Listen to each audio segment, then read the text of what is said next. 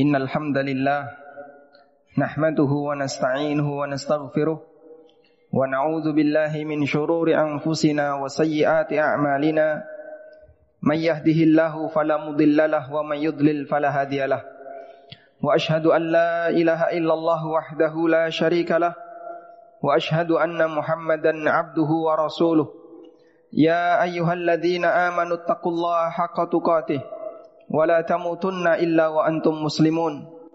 يا أيها الناس اتقوا ربكم الذي خلقكم من نفس واحدة وخلق منها زوجها وبث منهما رجالا كثيرا ونساء واتقوا الله الذي تساءلون به والأرحام إن الله كان عليكم رقيبا. يا أيها الذين آمنوا اتقوا الله وقولوا قولا سديدا. يصلح لكم أعمالكم ويغفر لكم ذنوبكم. ومن يطع الله ورسوله فقد فاز فوزا عظيما. أما بعد فإن أصدق الحديث كتاب الله وخير الهدى هدى نبينا محمد صلى الله عليه وسلم وشر الأمور محدثاتها فإن كل محدثة بدعة وكل بدعة ضلالة وكل ضلالة في النار. Kaum muslimin jamaah Jumat yang dimuliakan Allah taala. Syukur alhamdulillah layak kita haturkan kehadirat Allah atas kemudahan yang Allah berikan kepada kita untuk melaksanakan rangkaian ibadah terutama di hari Jumat dan di antara ibadah yang saat ini sedang kita laksanakan yaitu ibadah salat Jumat yang disebut oleh para ulama sebagai afdalu salatil maktubati alal itlaq salat wajib yang paling afdal di antara salat-salat wajib yang lainnya. Karena Allah Subhanahu wa taala menyediakan banyak sekali pahala bagi mereka yang melaksanakan salat Jumat yang itu tidak disediakan dalam kegiatan salat wajib yang lainnya. Karena itulah bersyukurlah bagi Anda yang bisa hadir sebelum khatib naik mimbar. Sebagaimana yang disebutkan dalam hadis riwayat Bukhari Muslim, Nabi sallallahu alaihi wasallam menceritakan tentang keberadaan para malaikat yang mereka bertugas untuk mencatat setiap orang yang masuk masjid sebelum khatib naik mimbar. Dan ketika khatib naik mimbar, maka mereka menutup catatannya dalam rangka untuk mendengarkan khutbah. Sehingga bagi mereka yang datang telat, meskipun dia sudah memiliki amalan berupa Jumatan, tapi dia tidak memiliki presensi khusus berupa hadir ketika khatib sebelum naik mimbar. Kemudian kita juga bersyukur kepada Allah Subhanahu wa taala dengan adanya nikmat aman. Yang dengan nikmat ini kita bisa melaksanakan berbagai macam aktivitas tanpa gangguan, tanpa rasa takut, tanpa tanpa tekanan dari yang lain dan itu nikmat yang luar biasa. Karena itulah Nabi sallallahu alaihi wasallam menekankan agar sesama kita berusaha untuk menjaga nikmat aman ini sampai beliau memberikan definisi seperti apakah seorang muslim. Nabi sallallahu alaihi wasallam bersabda, "Al-muslimu man salimal muslimuna min lisanihi wa yadihi." Seorang muslim adalah di mana orang muslim yang lain dia selamat dari gangguan lisan dan tangannya. Sehingga aman dalam agama kita tidak hanya aman dari sisi terjaga dari gangguan fisik maupun harta, termasuk aman dalam agama kita adalah aman dari sisi terjadi dari gangguan kehormatan yang disebabkan karena ulah lisan yang tidak bertanggung jawab. Hadirin jemaah Jumat yang dimuliakan Allah Subhanahu wa taala. Salah satu di antara tema khutbah Nabi sallallahu alaihi wasallam beliau sering sekali menyampaikan beberapa kritikan dalam rangka untuk meluruskan pemahaman yang terjadi di tengah umat Islam. Dan ada beberapa hal yang barangkali untuk kita perhatikan terkait masalah pemahaman yang ada di tengah masyarakat yang butuh untuk kita luruskan.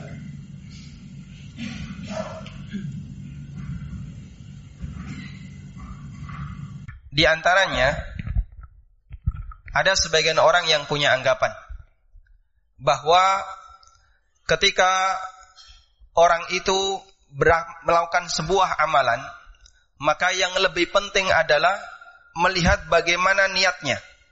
Meskipun bisa jadi amalan itu amalan yang menyimpang. Dengan alasan Yang penting kan niat saya baik. Yang penting niat saya mulia. Hadirin yang dimakan Allah Ta'ala.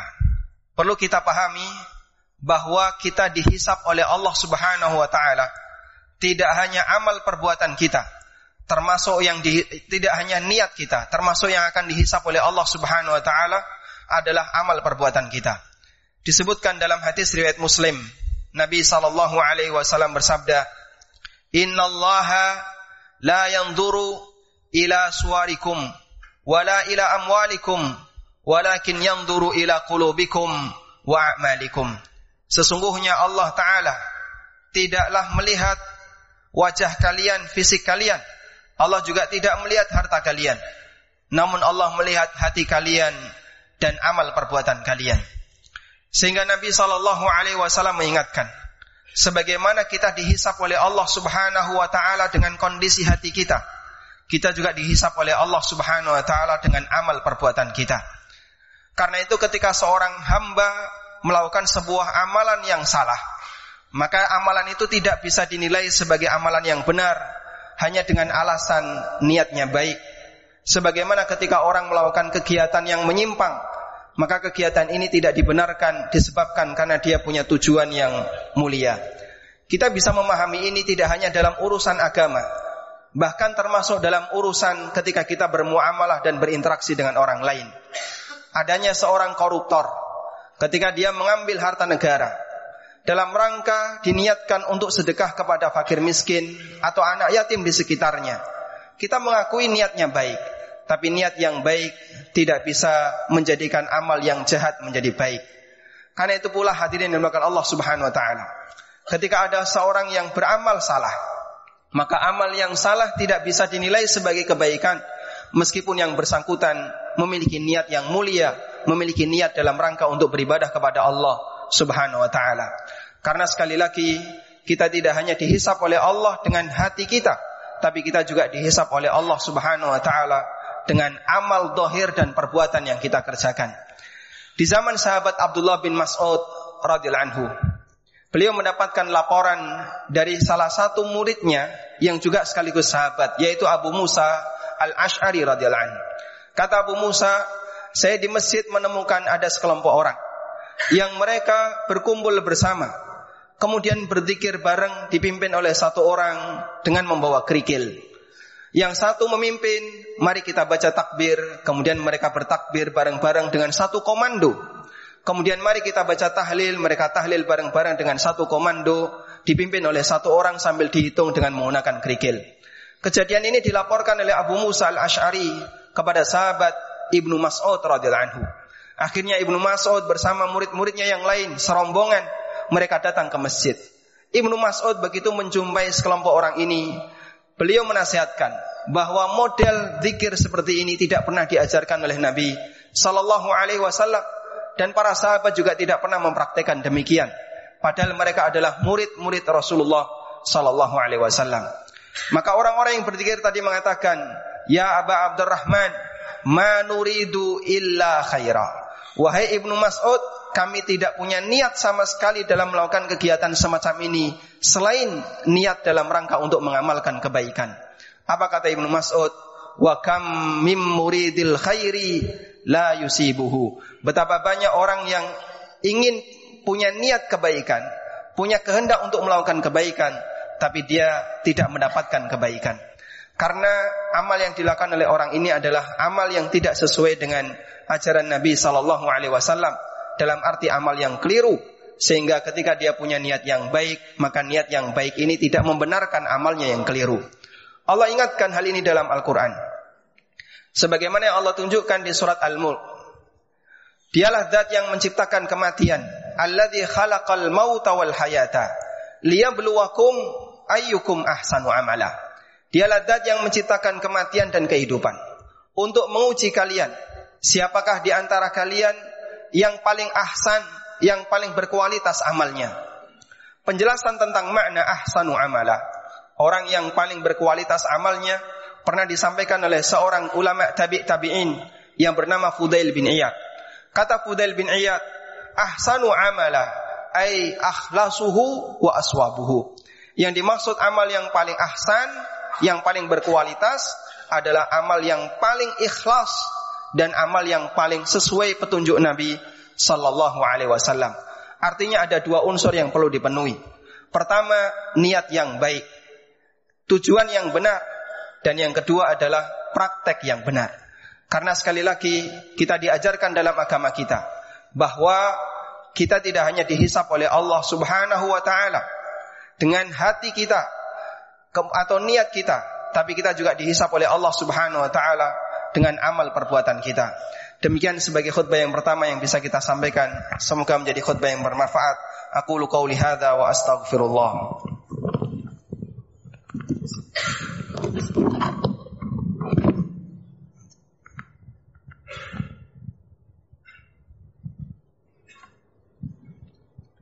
Alhamdulillahi wa kafa wassalatu wassalamu ala rasulil mustafa wa ala alihi wa wa mawalah واشهد ان لا اله الا الله وحده لا شريك له واشهد ان محمدا عبده ورسوله Hadirin jamaah Jumat yang dimuliakan Allah Subhanahu wa taala.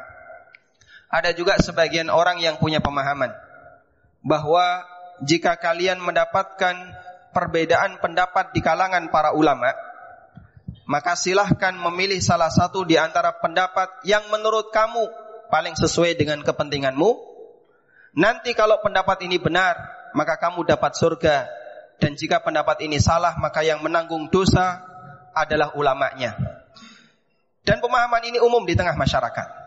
Sehingga mereka menganggap ketika ada khilaf di kalangan para ulama, maka masyarakat boleh milih sesuka hatinya, bahkan sesuai dengan kepentingannya. Dan dia punya anggapan, nanti kalaupun salah, sudah ada yang nanggung, yaitu ulamanya. Prinsip ini berkali-kali disalahkan oleh Allah Subhanahu wa taala dalam Al-Qur'an. Karena Allah Subhanahu wa taala mengajarkan kepada kita, kullu nafsin masing-masing jiwa mereka menggadaikan dirinya terhadap amal yang dia lakukan. Allah Subhanahu wa taala tunjukkan di surat Al-Furqan. Penyesalan sebagian hamba disebabkan karena dia salah dalam memilih pendapat. Allah berfirman, wa yauma ya'addu ala yaday. Ingatlah pada hari ketika ada orang-orang zalim yang mereka gigit jari. Kenapa gigit jari? Untuk menunjukkan kalau dia itu menyesal. Yaqulu ya laitani ya laitani takhattu ma'ar rasuli sabila. Dia mengatakan, andaikan dulu saya mengikuti jalannya para rasul. Ya wailata laitani lam attakhidh fulanan khalila. Kenapa dulu, andaikan dulu saya tidak mengikuti si fulan sebagai pemimpinku. Laqad adallani 'anil dzikri ba'da idja'ani. Sungguh dia telah menyesatkanku setelah datang peringatan yang sampai kepadaku. Wa kana syaitanu lil insani khadula.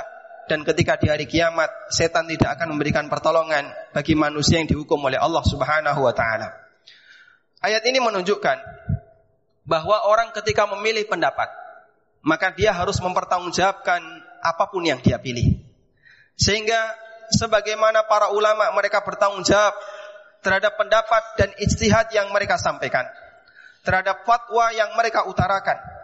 Maka demikian pula masyarakat umum, masyarakat awam yang sedang belajar, mereka juga bertanggung jawab ketika memilih salah satu di antara pendapat tokoh yang ada di sekitarnya. Karena itulah hadirin yang dimuliakan Allah Subhanahu wa taala, kesadaran semacam ini dibangun oleh para ulama yang mereka merupakan pemimpin-pemimpin madhab yang diagungkan oleh para pengikutnya. Seperti yang disampaikan oleh Imam Syafi'i rahimahullah. Beliau mengatakan, "Idza sahhal hadis fahuwa madhhabi." Kalau ada hadis yang sahih, maka hadis itu adalah madhabku. Karena itu sebagian ulama Syafi'i ya, ketika mereka menimbang pendapat Imam Syafi'i dalam karya-karyanya. Dan ternyata itu bertentangan dengan hadis sahih yang mereka dapatkan.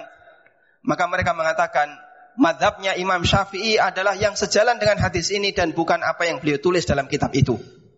Meskipun yang ditulis berbeda dengan kesimpulan yang disebutkan dalam hadis. Dan ini sering disampaikan oleh Imam An-Nawawi ketika beliau memberikan penjelasan terhadap hadis-hadis sahih yang bisa jadi bertentangan dengan pendapatnya Imam Ash-Syafi'i rahimahullah. Ini salah satu di antara contoh semangat yang disampaikan oleh para ulama. Mereka tidak menghendaki untuk dikultuskan karena mereka hanyalah seorang manusia ulama yang memiliki ilmu dan beristihad sementara yang namanya hamba itu punya keterbatasan dalam melihat kebenaran. Karena itulah hadirin yang dimakan Allah, mereka menyadari bahwa mengambil pendapat semuanya akan dipertanggungjawabkan di hadapan Allah Subhanahu wa taala. Dan Anda perlu memahami kita akan mempertanggungjawabkan amal kita pribadi-pribadi, bukan amal ormas kita, amal masyarakat kita atau komunitas kita. Anda tidak akan diterima ketika beralasan, "Ya Allah, ini adalah pendapat ormas saya. Ini adalah keputusan komunitas saya. Ini adalah keputusan masyarakat saya." Kita mempertanggungjawabkan amal kita pribadi dan bukan amal ormas atau amal yayasan atau amal organisasi atau yang lainnya. Karena kita datang kepada Allah Subhanahu wa taala untuk dihisap oleh Allah atas amal kita sendiri dan bukan amal orang lain. Karena itulah hadirin yang dimakan Allah Subhanahu wa taala, kita selalu memohon kepada Allah kekuatan untuk istiqomah. Masing-masing kita harus menyadari bahwasanya kita akan dihisap oleh Allah. Sehingga sampai pun ketika memilih guru, semuanya akan dihisap oleh Allah Subhanahu wa taala. Imam Syafi'i pernah mengatakan tentang gurunya Imam Malik, raditu bimalikin ayyakuna hujjatan baini wa bainallahi taala. Aku telah ridho untuk menjadikan Imam Malik sebagai hujjah antara diriku dengan Allah taala. Artinya beliau menyadari memilih guru itu pun harus dipertanggungjawabkan di hadapan Allah Subhanahu wa taala. Dan selanjutnya marilah kita berdoa kepada Allah Subhanahu wa taala. Semoga Allah memberikan kita kekuatan untuk selalu istiqomah. Istiqomah di jalan kebenaran, istiqomah untuk selalu meniti sunnah Nabi Sallallahu Alaihi Wasallam meskipun bisa jadi bertabrakan dengan kepentingan masyarakat kita atau kegiatan komunitas kita karena sekali lagi kita akan dihisap oleh Allah untuk amal pribadi dan bukan amal orang lain. Allahumma salli ala Muhammad wa ala ali Muhammad كما صليت على إبراهيم وعلى آل إبراهيم إنك حميد مجيد. اللهم اغفر للمؤمنين والمؤمنات والمسلمين والمسلمات الأحياء منهم والأموات. إنك سميع قريب مجيب دعوات. يا قاضي الحاجات. اللهم إنا نسألك الهدى والتقى والعفاف والغنى. ربنا آتنا في الدنيا حسنة وفي الآخرة حسنة وقنا عذاب النار. wa sallallahu ala nabiyyina Muhammadin wa ala alihi wa sahbihi wa sallam. Wa akhiru da'wana anil hamdulillahi rabbil alamin. Wa qumu ila salatikum.